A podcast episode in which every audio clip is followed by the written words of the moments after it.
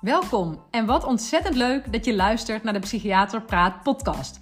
Dit is de podcast waarin ik je meeneem in mijn wereld en die van de psychiatrie. En je zult zien dat ook dat een wereld is die gaat over hele gewone mensen. Mijn naam is Wieneke Gerrits en ik ben psychiater. Ik ga ervaringen en verhalen vertellen uit mijn persoonlijke leven en uit het leven van mijn patiënten. Laat je raken, inspireren, motiveren of gewoon een hart onder de riem steken. Mijn missie is om zoveel mogelijk mensen in beweging te zetten om voor zichzelf te zorgen. Door met elkaar te delen en hulp te vragen als dat nodig is. Niet alleen bij professionals, ook bij elkaar. Zo maken we samen het leven wat draaglijker en onszelf of de ander soms gewoonweg een stukje gelukkiger. Heel veel luisterplezier.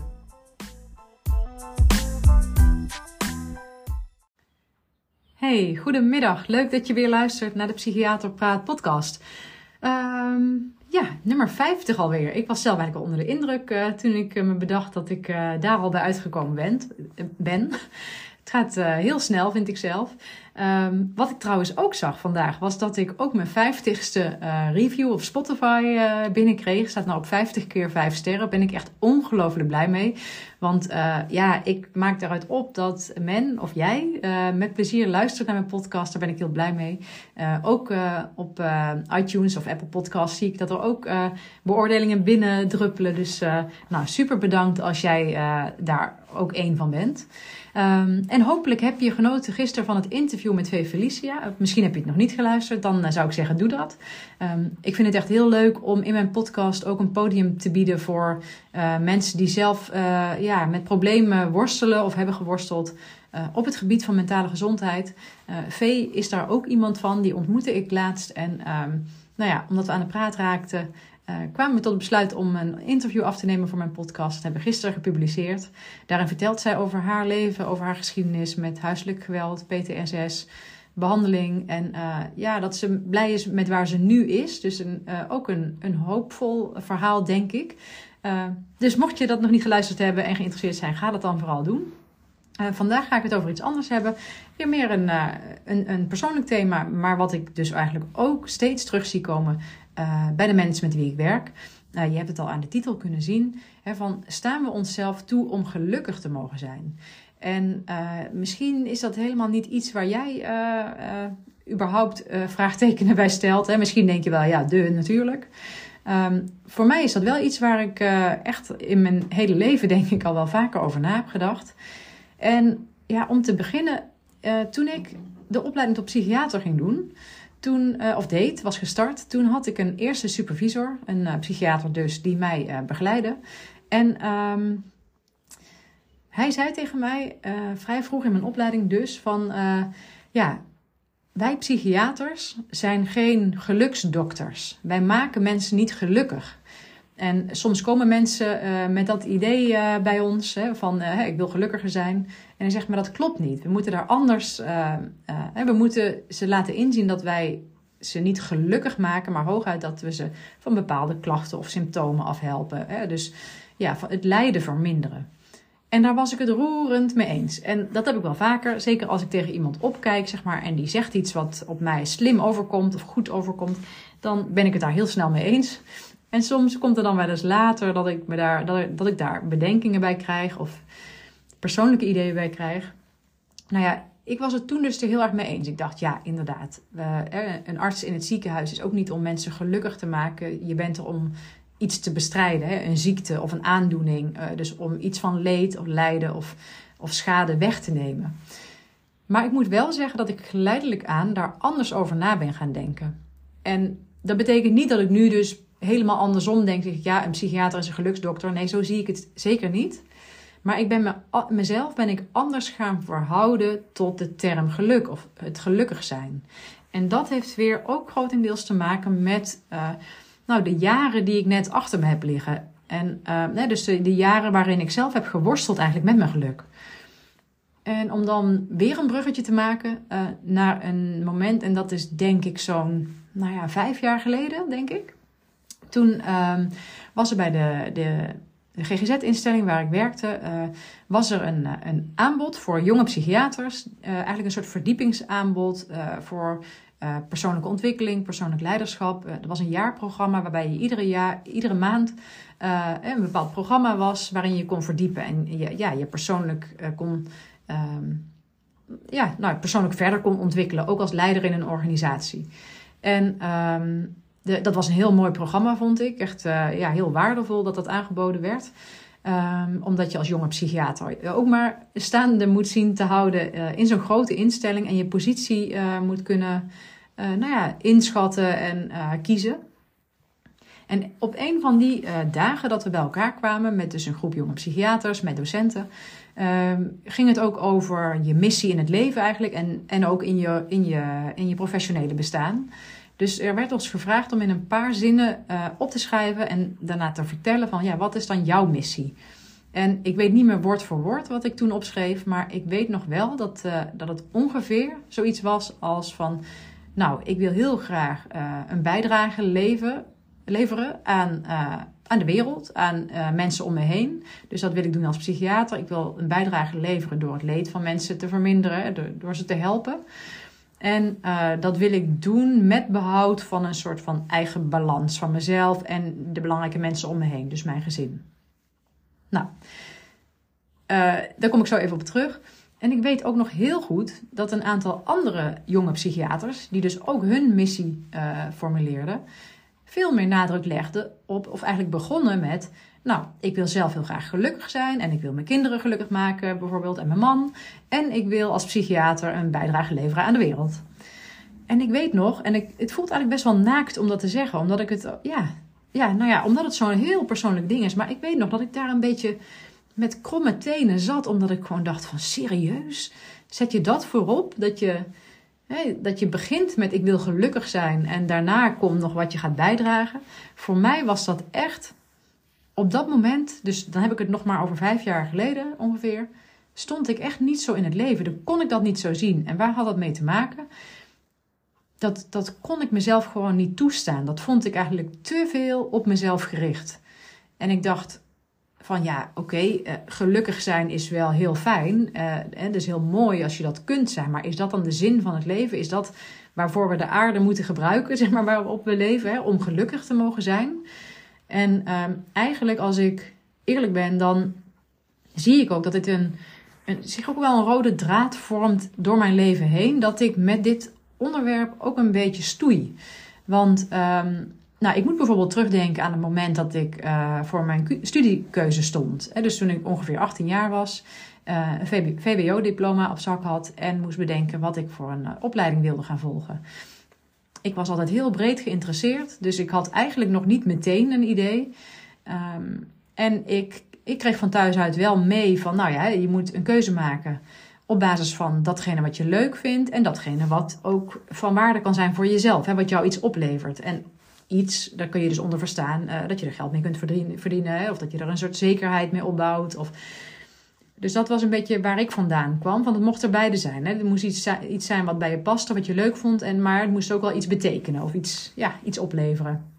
En ik denk ook, als, om het wat breder te trekken. Uh, hè, want mijn ouders zijn natuurlijk uh, een deel van uh, van dat geluid. Maar dat komt natuurlijk ook uit de hele maatschappij en vanuit de leerkrachten en zo. Van, en van de buurvrouw. Dus om, om mij heen, en ik, ik denk eerlijk gezegd dat dat grotendeels te herkennen zal zijn voor jou, uh, krijg je om je heen wel mee van, nou ja, je moet ook wel slim kiezen. Iets verstandigs kiezen of iets belangrijks kiezen. En nou ja, de mate waarin dat leuk mag zijn, hè, dat verschilt misschien, uh, de boodschap die je daarin hebt meegekregen. Maar ik weet dus nog dat ik um, echt aan het zoeken was wat bij me paste. En uh, een van de dingen um, die heel erg bij mij paste was sporten. Ik was altijd heel sportief. Uh, ja, ik deed allerlei verschillende sporten uh, op jonge leeftijd. Uh, ja, ik, ik, ik, genoot daarvan. Dat, gaf me energie. En um, ik overwoog toen een tijdje om de ALO te kiezen, de, de Academie voor Lichamelijke Opvoeding. dat is een HBO-opleiding, of was dat in ieder geval in die tijd. Ik weet helemaal niet hoe dat nu in elkaar zit. Maar, um, en um, twee dingen hielden me eigenlijk tegen. Eén was dat, ook al werd het niet zeg maar als een een, een, een exclusiecriterium gesteld. Het werd niet gezegd van daarom moet je het niet doen, maar het was een HBO-opleiding terwijl ik een, een VWO-diploma had van de middelbare school. Dus het was niet het hoogste niveau wat ik zou kunnen kiezen als opleiding. En daarnaast was het ook zo van ja, de kans is heel groot dat als je die opleiding volgt, dat je uiteindelijk bijvoorbeeld als uh, gymdocent voor de klas komt te staan. Wil je dat? En ehm, ja, toen dacht ik van nou, dat, ik weet niet of dat nou is waar, waarvan ik denk van dat, dat wil ik uit het leven halen als, als gymleraar voor de klas. Dat laatste was wel meer iets persoonlijks hoor. Niet dat anderen zeiden van daar word je niet blij van. Ja, alhoewel dat toch, nu ik het zo hardop zeg, misschien ook wel een beetje erin lag. Van, hè, is dat nou wat werd er ook een beetje ingelegd. Is dat waar jij gelukkig van wordt? Wat jij uiteindelijk wil gaan doen? Nou ja, ehm, uiteindelijk, uh, ik, ik, ik, was daar niet zo, ik, ik had dat allemaal niet zo duidelijk. Op een gegeven moment dacht ik van, nou ja, misschien geneeskunde. Ik ben ook, als ik nu terugkijk, denk ik, ik ben blij dat ik de studie geneeskunde heb gekozen, dat ik die heb gedaan. En dat ik daarna psychiater ben geworden. Dus ik heb, het is niet zo dat ik daar spijt van heb. Maar het is ook zo dat het dus wel heeft meegespeeld dat ik toch die, die boodschap vanuit, ja, ik, ik noem maar ook gewoon vanuit de maatschappij, voelde van eigenlijk het maximale eruit halen. En dan ging maximaal ging dan vooral over wat je kunt presteren, wat je kunt leveren, wat je kunt doen. Dat vond ik ook een soort van logisch. Maar sowieso, want wat ik ook nog herinner, en dat is misschien in een nog iets uh, vroeger stadium dan waar ik het net over had toen ik die studiekeuze moest maken waar ik ook altijd heel veel plezier in heb gehad. Uh, eigenlijk al, ja, op de basisschool al, maar ook op de middelbare school, is uh, acteren. En ik speelde altijd heel graag in de musicals. Ook uh, op de basisschool ja, dingde ik altijd mee naar de rollen die er te vergeven waren voor de eindejaarsmusical. En ook op de middelbare school deed ik vrijwillig mee met een musicalgroep. En nou ja, ik hield van, van zingen, dansen net iets minder misschien. Maar um, en ik, ik had wel eens gedacht van ja, zou, de, zou een uh, artiestenopleiding iets voor me zijn? Hè? Of het nou is op het gebied van acteren of musical. Of, zo scherp had ik dat niet eens. Maar, en ik weet nog wel dat dat ook afgeremd werd door diezelfde gedachte van ja, maar als ik dan straks bijvoorbeeld acteur ben of uh, musicalster of wat dan ook. Mag ik dat zijn? Zeg maar? Is dat relevant genoeg in, voor mijn bestaan op deze wereld? En het is echt heel persoonlijk dat ik dit hardop zeg, want ik vraag me af, ik heb daar wel eens uh, met mensen gesprekken over gevoerd hoor, maar ik vraag me af of mensen die mij goed kennen, of die dit soort dingen van mij weten. Maar dat ik echt dat toen, later ben ik daar ook wel weer wat anders over gaan denken, maar toen dacht ik toch van nee, dat, want dat, dat in mijn beleving, in mijn, uh, ja, hoe zeg je dat? Mijn, mijn bestaan van toen, in mijn uh, cognities die ik had, in mijn denkvermogen wat ik toen had, dacht ik ja, nee, maar dat gaat alleen maar over plezier. Dat is alleen maar iets, hè, ook, al, ook al zou ik in, in het eh, theater staan of op televisie uh, komen of zo. Dat, dat is dan allemaal voor vermaak van andere mensen. En dat is toch niet echt, dat is toch niet wat echt belangrijk is. Nu denk ik overigens dat ook zeg maar cultuur, uh, et cetera, ook heel belangrijk is om de mensen te voeden. Maar toen ver, verviel die optie eigenlijk voor mij omdat ik gewoon dacht dat is niet goed genoeg. En dat is dus wel een, echt een rode lijn in mijn eigen leven, in mijn eigen denken, waar ik mijn keuzes op heb gebaseerd en de dingen die ik deed. En um, ik geloof ook niet dat ik me daar dan altijd dus slecht bij heb gevoeld. Want dat betekende niet dat ik vervolgens dingen koos die niet bij me pasten. Zo lag het ook niet. Dat zei ik net al. Ik ben heel blij dat ik uh, arts ben geworden en psychiater ben geworden. En uh, daarnaast heb ik natuurlijk ook andere keuzes gemaakt. Ik heb een partner gevonden, ik heb kinderen gekregen. Dat zijn ook persoonlijke keuzes geweest. Um, omdat ik uh, daar ja, ook mezelf zeg maar, een plezier mee deed. Omdat ik dat persoonlijk wilde. Dus het is niet zo dat ik vervolgens dingen ben gaan doen die niet bij me pasten. Maar het was wel zo dat het altijd een soort van. Uh, een, uh, het concurreerde altijd met elkaar. Of het moest echt. Nou, als ik dan iets koos wat ik heel graag deed of leuk vond. Dan moest het wel ook zo belangrijk mogelijk zijn, zeg maar. Dat, en de, de stapjes die minder waren, die vielen dan eerder af. En dat zie ik ook terug bij heel veel mensen nu, um, die ik zie in mijn coachingspraktijk, dat het vaak ook daarover gaat. Van de lat eigenlijk behoorlijk hoog leggen voor jezelf en dan veel meer gericht op output, en, dus op uh, productiviteit en prestatie en status. Veel meer daarop gericht dan gericht eigenlijk op persoonlijke vervulling. En uh, trouwens zie ik dat ook helemaal niet alleen maar nu in mijn coachingspraktijk. Uh, het is ook echt iets van ons hulpverleners. Of tenminste, ik heb met een heleboel collega's samengewerkt. Met allerlei verschillende achtergronden, disciplines. Maar uh, ik denk dat het ook een hulpverlenersding is. ook heel erg gericht op de ander zijn dus. Hè, de ander vervullen. dat is een soort valkuil die wij kunnen hebben. Tenminste, dat durf ik wel zo te stellen. Dat is mijn opvatting over ons hulpverleners. Um, dus uh, heel erg op de ander gericht zijn, maar ook die lat heel erg hoog leggen. En heel veel van jezelf vragen. Al, steeds maar moeten geven en geven en geven. En uh, dat, dat zit dus ook heel erg op prestatiegericht. En ik vond het dus eigenlijk best wel schokkend. Dat moment van vijf jaar geleden dat ik dus niet geformuleerd kreeg. En zelfs als een ander het formuleerde, daar ook een beetje de kriebels van kreeg. Als je zei: Ik wil graag gelukkig zijn. Waarom schrok ik daarvan of waarom is dat veranderd? Dat heeft te maken met dat ik, nou ja, moet ik even goed. Eh, vandaag is mijn, eh, mijn jongste zoon jarig trouwens, die is vandaag zes jaar geworden. Daar ben ik gelukkig, eh, ik ben super gelukkig mee. Maar ik voel eigenlijk nu ineens ook een brok in mijn keel, omdat dat eigenlijk het moment is waarvan af ik reken dat mijn leven veranderd is. Ja, in positieve zin, omdat hij erbij kwam. Maar ook al sinds zes jaar ben ik vanaf het moment dat hij geboren werd en ik na het verlof probeerde mijn werk weer op te pakken, is dat niet gelukt en is mijn leven veranderd. Uh, en mijn leven is veranderd voornamelijk omdat ik um, uh, dus andere keuzes ben moeten gaan maken op het gebied van werk. Want uh, daarvoor, ik werkte altijd fulltime, tot ik mijn eerste kind kreeg. Toen ging ik vier dagen per week werken en nou ja, uiteindelijk geloof ik, uh, ik geloof dat ik nadat ik dus mijn uh, derde kind kreeg, had bedacht, nou dan is drie dagen wel genoeg. Maar dat was dus te veel. Dat ging niet. Ik had te veel pijnklachten. En nou ja, dat is niet het enige. Ik, als ik daaraan terugdenk, um, ja, heb, heb ik, ja, ik heb gewoon echt heel, hoe moet ik dit nou zeggen? Want ik wil, ik wil mijn punt duidelijk maken. Op alle vlakken was, stond mijn leven een soort van stil of was veranderd. En um, ik heb dit wel eens vaker gezegd, dus ik heb ook het gevoel van, nou ja, ik val in herhaling, maar misschien heb je mij nog niet vaker horen praten hierover. Dan is het toch belangrijk misschien om wel te noemen. Maar een hele tijd kon ik niet werken. En, en periodes kon ik de helft van mijn uren werken bijvoorbeeld. Maar ik was, ik was eigenlijk dus sinds zes jaar geleden, na het krijgen van mijn derde kind, ben ik uh, niet meer op volle kracht geweest wat betreft werknemer in een instelling. Dus mijn rol als werknemer verviel grotendeels. Maar ook mijn rol als moeder kon ik niet zo uitoefenen als ik wilde. Want ik kon hele periodes niet zelf mijn kinderen verschonen op de aankleedtafel. Of zelf naar school brengen. Of laat staan met ze naar de speeltuin om de hoek lopen. Mijn rol als moeder was op dat moment echt niet zoals ik wilde. Mijn rol als partner ook niet bestond eigenlijk voornamelijk uit dat mijn man en ik probeerden gewoon uh, de BV zeg maar te runnen, het gezin als BV. Uh, het maar volhouden, het hoofd boven water houden, maar het ook nog eens leuk hebben of plezier hebben of iets leuks doen met z'n tweeën, dat, dat zat er helemaal niet in. Mijn rol als vriendin in, van mijn beste vriendinnen, maar ook in de vriendengroepen waar, waar, ik, die ik had, die verviel ook bijna helemaal. Ik kon bij heel veel dingen überhaupt niet aansluiten, er niet bij zijn. En met familie net zo goed.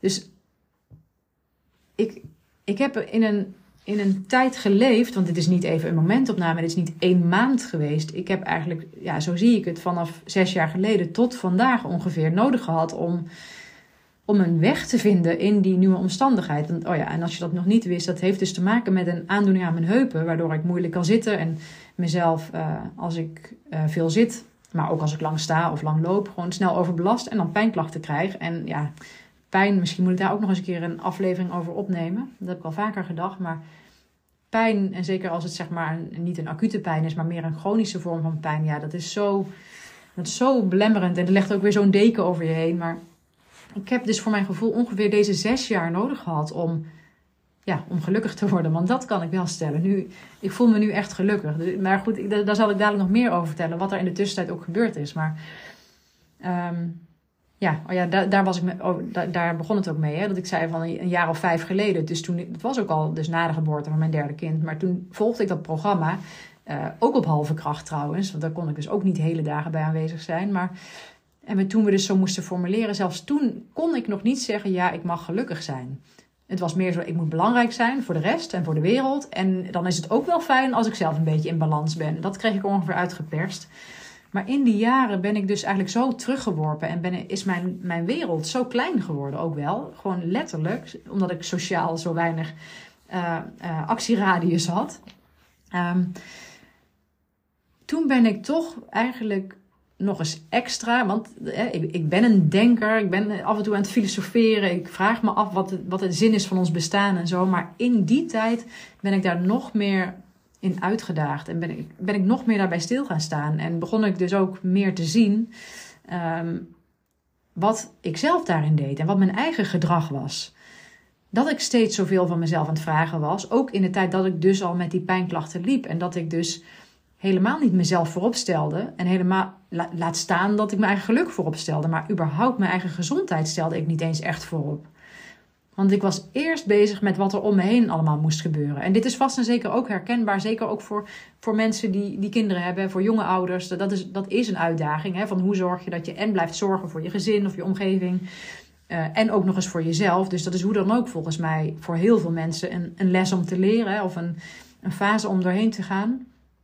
En, en uh, ik wil niet zeggen dat het voor mij erger is of zo hoor. Maar ik weet nog dat ik me daar echt extreem in uitgedaagd heb gevoeld. Van ja, ik ben wel de hele tijd bezig om te kijken hoe hou ik mijn baas tevreden? Hoe kom ik mijn verplichtingen na? Ook uh, hoe, hoe verantwoord ik mezelf? Ook richting de bedrijfsarts en richting het UWV. Dat kwam later. En, maar ook gewoon naar, naar mijn omgeving. Wat vinden de andere ouders uh, op het schoolplein ervan? Dat ik uh, nooit vriendjes mee naar huis neem. Omdat ik het gewoon niet trek, zeg maar. En dat probeerde ik dan wel te verwoorden soms. Maar daar was ook niet altijd evenveel oor voor. Dus ik, en daar zat mijn eigen oordeel op. Hè, van ik was de Sjaak afhaak. Uh, en bij iedereen ging het allemaal vanzelf en, en bij mij niet. En dat vond ik deels ook schaamtevol. En, maar die, die situatie heeft, er dus ook, heeft ook gemaakt dat, ik, dat er toch een deurtje open is gegaan voor mij.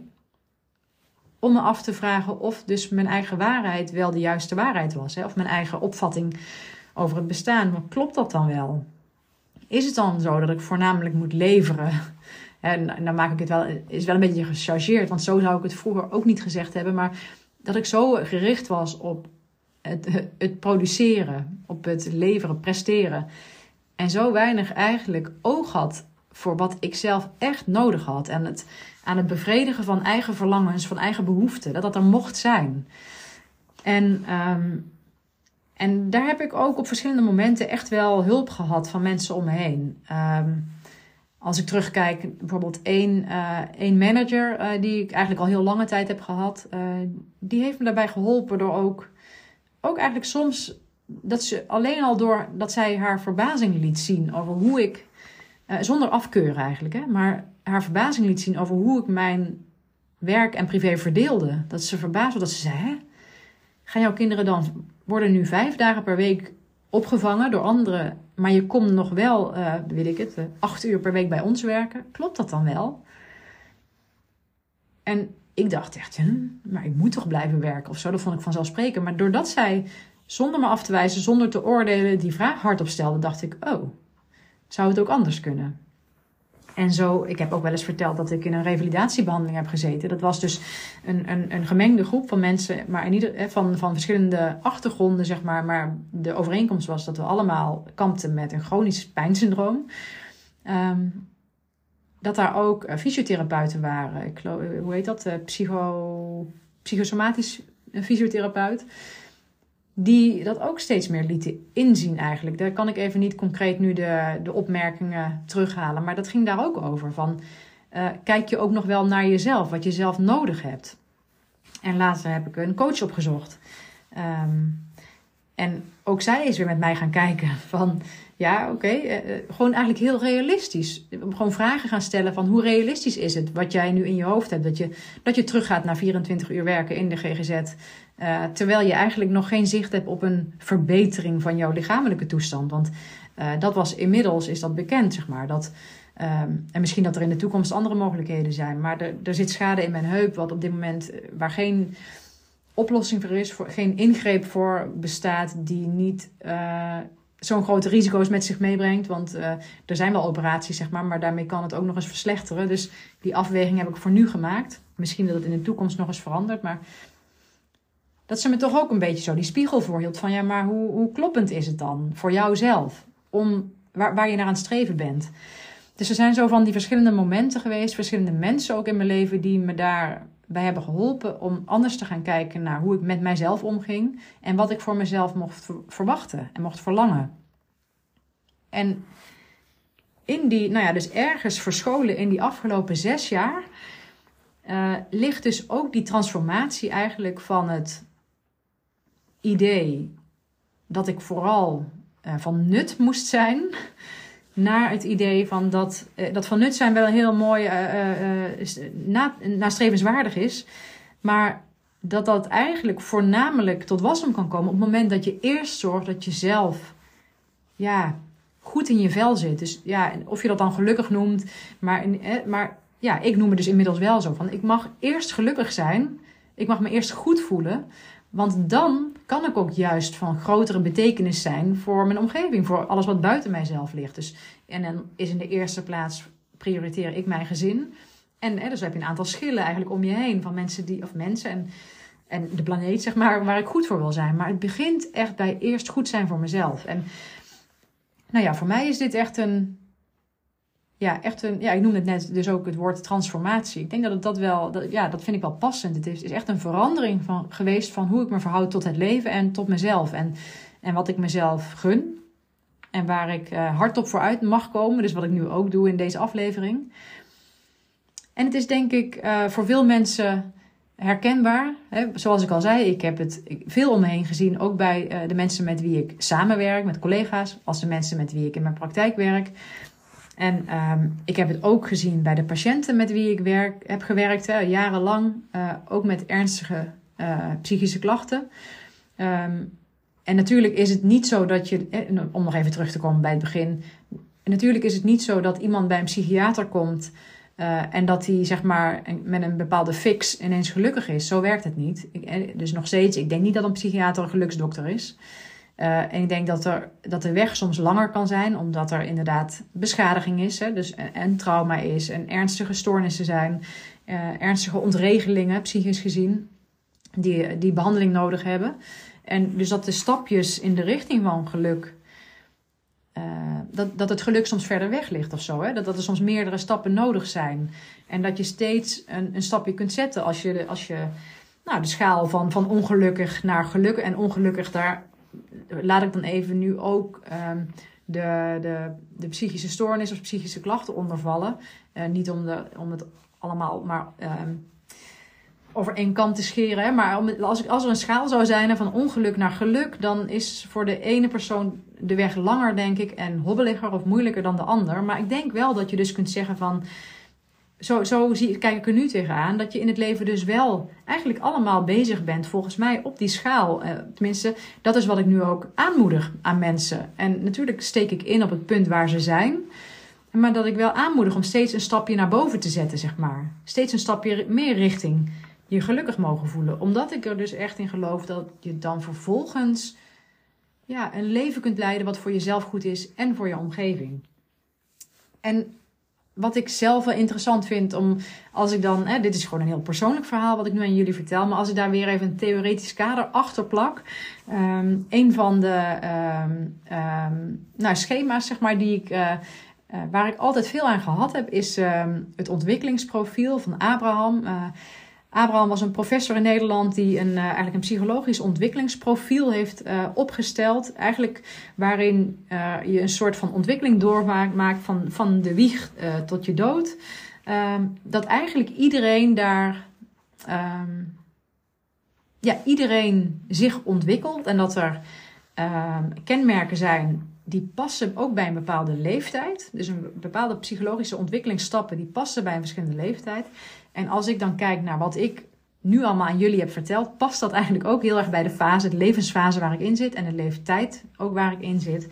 Dat je een beetje overgaat van dus inderdaad dat je, gaat, je, groeit op, je, je, je, uh, je, identiteit uh, gaat ook over van um, hoe zie je jezelf, waar werk je naartoe. Je, dat is maatschappelijk gevoed ook dus, dat, heb ik al benadrukt. Maar van ja, wat ga je voor een opleiding doen, wat ga je betekenen in de wereld, wat ga je voor een output leveren hè, aan je omgeving, aan de wereld.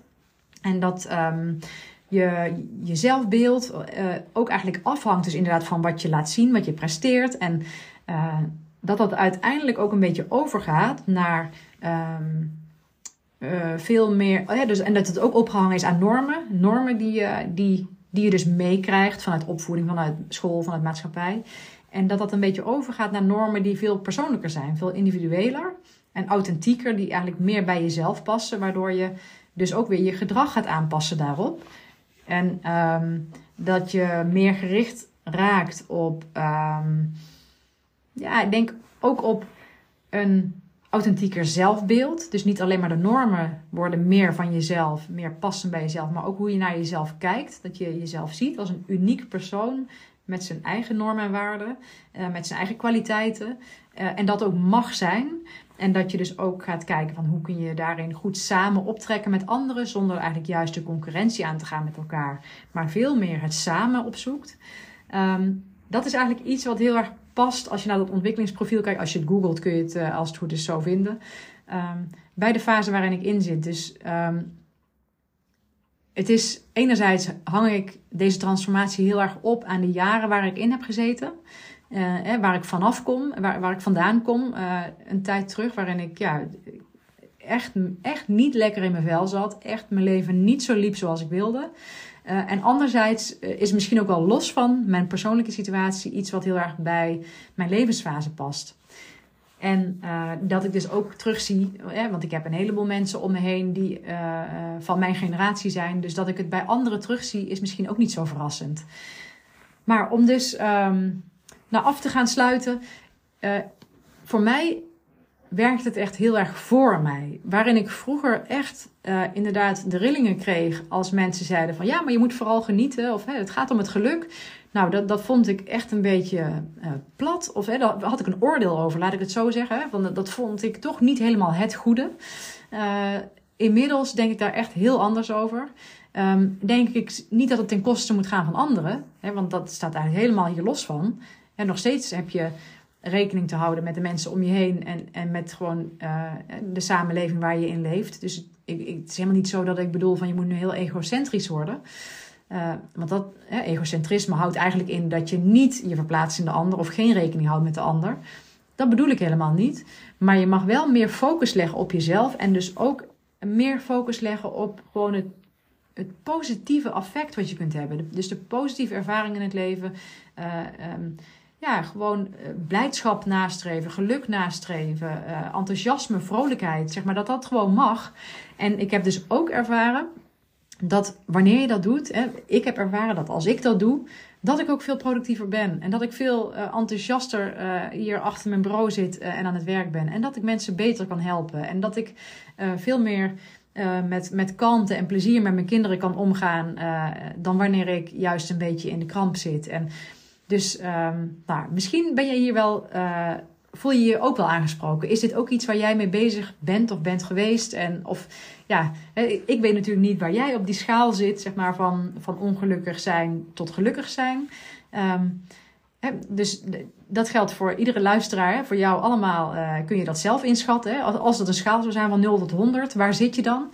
En, um, maar dan, dan zou ik je willen uitnodigen om voor jezelf te kijken hoe kun jij de komende tijd, tenzij je nu op 100 zit, maar hoe kun jij voor jezelf de komende tijd dus aandacht besteden aan hoe je bijvoorbeeld uh, vijf of tien punten kunt opschuiven op die schaal. Wat zou jij kunnen doen? Gewoon in het belang van jezelf, waardoor jij je wat beter gaat voelen, wat vrolijker gaat voelen of wat gelukkiger gaat voelen. En als je dat dan doet en het werkt, dat je dan eens gaat kijken wat voor een effect dat, heeft, wat voor een ripple effect zeg maar, uh, dat om je heen heeft. Nou, dit is ook waar ik uh, aan werk. Uh, dus wat ik net al zei, hè, van, met mensen die ik coach. Ik ga, uh, dat zei ik in de vorige opname geloof ik ook al. Of, of, in, of twee afleveringen geleden, ik weet niet meer precies. Um, ik, ben, nog, ik heb nog ruimte voor deelnemers voor een groepscoachingsprogramma. Wat begin juli gaat starten. En dat is ook bedoeld voor mensen die ergens op die schaal zitten van ongeluk naar gelukkig, zeg maar. Maar in ieder geval op een punt zitten waar ze niet tevreden zijn. En eigenlijk ongeacht de omstandigheden, want dat kunnen omstandigheden zijn uh, die je zelf niet in de hand hebt, hè, dingen die jou overkomen of dingen die met mensen in je omgeving te maken hebben. Uh, maar het kan ook zijn dat je juist wel zelf keuzes hebt gemaakt, maar nog steeds voelt van oeh, ik, ja, ik kom er niet uit of ik voel me ongelukkig. Uh, om daarmee te gaan samenwerken, om te kijken van wat kun je doen? Hoe kun je op, naar jezelf gaan kijken, gaan reflecteren op hoe je je gedraagt, wat je doet, de keuzes die je maakt, de gedachten die je over jezelf hebt. En hoe kun je daar veranderingen aanbrengen, zodat je kunt gaan opschuiven op die schaal richting geluk. En nee, nu ga ik hem echt afsluiten hoor, maar nee, ik ben geen geluksdokter. Maar ik geloof er wel echt in dat ik je kan helpen je meer grip te geven op je eigen geluk. En dan moet je zelf voor aan het werk. Nou, hiervoor, hier ga ik hem echt bij laten voor vandaag. Ik hoop jullie weer uh, enigszins geïnspireerd te hebben of op zijn minst uh, te hebben. Uh, volgende week ben ik weer terug en hopelijk tot de volgende.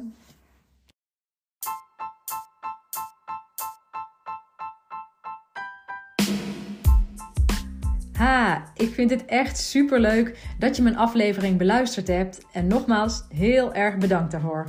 Hopelijk heeft het je ook aangesproken. En wil je me dat laten weten? Dat kan via mail naar info.wienekegerrits.nl, een bericht via Instagram, waar ik te vinden ben onder wieneke underscore gerrits, of op LinkedIn onder mijn eigen naam. Ik vind het heel leuk om ook jou beter te leren kennen en te weten wie er luistert. Jij kunt ook anderen inspireren door mij te taggen, bijvoorbeeld in je stories of je feed op Instagram. En wat jij van mij kunt doen, is in jouw podcast-app waar je deze beluistert, een review achterlaten. Bijvoorbeeld een aantal sterren. Wil je dat doen? Zo kom ik erachter of en hoe mijn podcast gewaardeerd wordt en wordt hij beter vindbaar voor anderen. Overigens kun je je ook abonneren op deze podcast in je app. Hoe dat per app werkt, weet ik niet precies, maar vaak is er een knop subscribe, abonneren of volgen en dan krijg je automatisch een berichtje of in je app te zien als ik een nieuwe aflevering heb geplaatst. Maar nogmaals, super, super, super dank en tot de volgende!